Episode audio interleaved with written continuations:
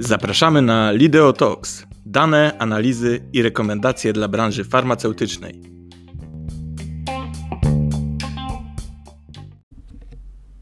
Drodzy słuchacze, witamy w kolejnym odcinku naszego cyklu Ten O'Clock Środowe Poranki Prawne poświęconego tematyce nowej ustawy Prawo zamówień publicznych.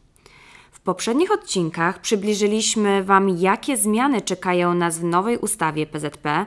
Rozwinęliśmy także zagadnienie katalogu klauzul niedozwolonych, jak również omówiliśmy nowe rozwiązania na etapie składania i otwarcia ofert.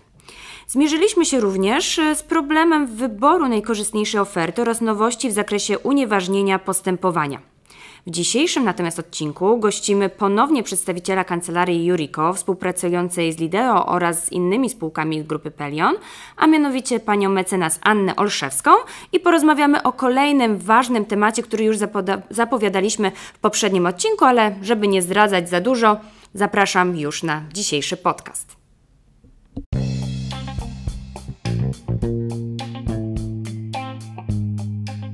Słuchacie Lideo Talks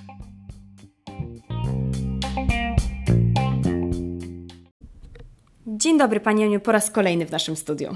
E, witam, miło mi gościć u Państwa ponownie. E, Pani Aniu, tak jak zdradziliśmy naszym słuchaczom w poprzednim odcinku, dziś, dziś chcielibyśmy omówić sytuację, gdy wykonawca nie zgadza się z zamawiającym z różnych powodów. Czy w tych obszarach pojawiają się również jakieś nowości w PZP? E, tak. Tak jak wspomnieliśmy w naszym pierwszym podcaście, ustawodawca stwarza w nowej ustawie pole do polubownego rozwiązywania sporów. E, mianowicie postanowiono, że w sprawach majątkowych, w których zawarcie ugody jest dopuszczalne, każda ze stron może złożyć wniosek o przeprowadzenie mediacji e, lub o inne polubowne rozwiązanie sporu do sądu polubownego lub wybranego mediatora lub osoby prowadzącej inne polubowne rozwiązanie sporu.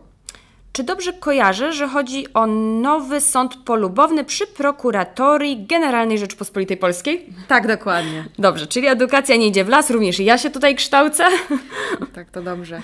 E, zatem przejdźmy sobie e, dalej. Mm, wspomniała Pani o sytuacji, gdy to strony będą składać e, taki wniosek. A czy mediacja w określonych sytuacjach będzie obowiązkowa?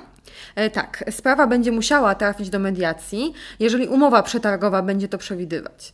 E, natomiast niezależnie od brzmienia umowy przetargowej, pozew albo odpowiedź na pozew e, będą musiały zawierać informacje, czy strony podjęły próbę mediacji lub innego polubownego rozwiązania sporu, a w przypadkach, gdy takich prób nie podjęto, wyjaśnienie przyczyn niepodjęcia. E, dobrze, a co w sytuacji, gdy takiej informacji po prostu nie będzie? Wiele zależy wówczas od wartości zamówienia objętego umową przetargową oraz wartości przedmiotu sporu.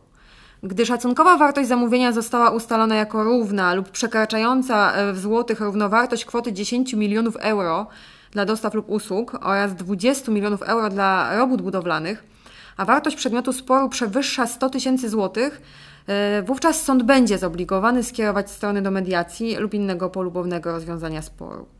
Czy jest to rozwiązanie nowe, nieznane naszemu systemowi prawnemu, czy też może zaczerpnięte właśnie z jakiejś innej nowej ustawy PZP, z innych po prostu regulacji?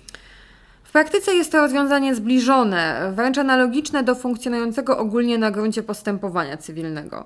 E, warto zwrócić uwagę, że obowiązek wskazania, czy strony sporu podjęły próbę mediacji, jest wymogiem formalnym każdego pozwu, nie tylko wynikającego z realizacji umowy zawartej w trybie zamówień publicznych. Pani Aniu, teoria teorią, praktyka praktyką. Zatem, e, co może oznaczać to w praktyce, jak się Pani po prostu wydaje, co Pani sądzi w tym temacie? Osobiście jestem zwolennikiem takiego właśnie sposobu rozwiązywania sporów. Niestety, w związku z tym, że sprawy z odwołań do KIO są dość szybko przeprowadzane, może występować tendencja do skłaniania się ku tej opcji. Zawsze warto jednak spojrzeć na szerszy kontekst współpracy z zamawiającym. Rozmawiamy tu przecież głównie o zamawiających będących szpitalami, które na pewno docenią próbę polubownego zakończenia tematu.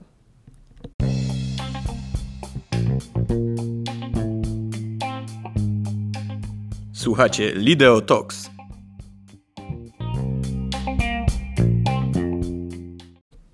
Wspomnieliśmy przed chwilą o Krajowej Izbie Odwoławczej, więc przejdźmy może do zmian w tym zakresie. Na co warto zwrócić uwagę? Proszę nam przybliżyć ten obszar. E, mamy dość istotną dla wykonawców zmianę, jeśli chodzi o zamówienia poniżej e, progów unijnych.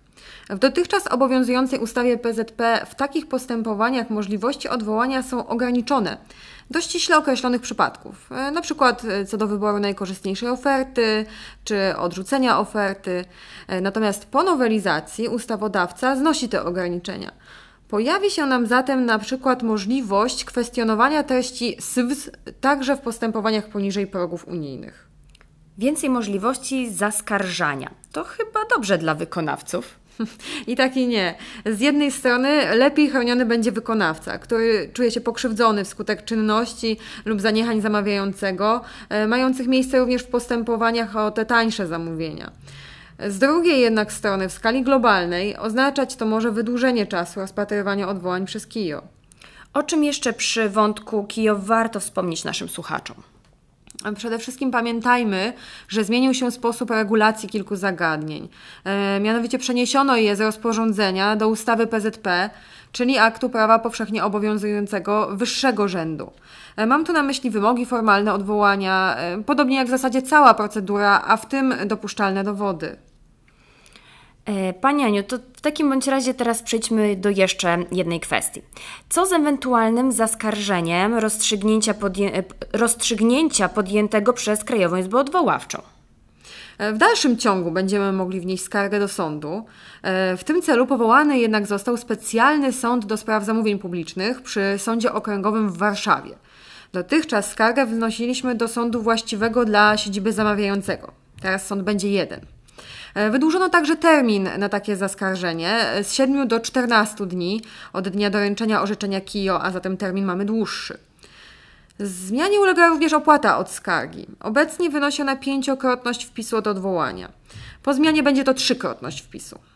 Skoro wysokość opłaty, jak Pani powiedziała, za wniesienie, wniesienie skargi na odwołanie zależy od wpisu, od tego odwołania, chciałabym jeszcze dopytać, ile on wynosi?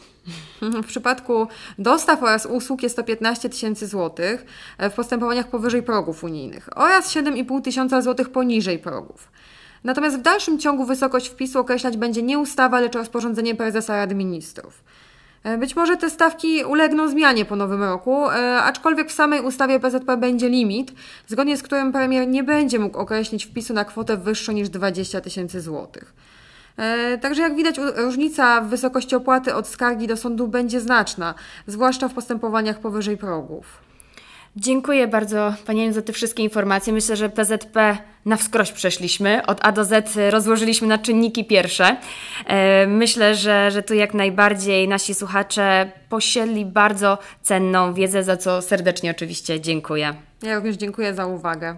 E, drodzy słuchacze, chcę też poinformować, że był to nasz ostatni podcast związany z tematyką nowej ustawy Prawo zamówień publicznych. Serdecznie dziękujemy za zainteresowanie i uczestnictwo. Wierzymy, że przynajmniej przybliżyliśmy, chociaż w tej głównej części, w przystępny sposób, zmiany, jakie czekają nas w obszarze zamówień publicznych w branży farmaceutycznej, a które wejdą w życie wraz z początkiem nowego roku. E, jednak też tutaj zaznaczę, że oczywiście e, naszego cyklu Lideotox jeszcze nie widać końca, ponieważ, przy, ponieważ szykujemy już nowe, ciekawe wątki i informacje dla branży farmaceutycznej. Zatem ja powiem nie do widzenia, ale do usłyszenia. Do usłyszenia.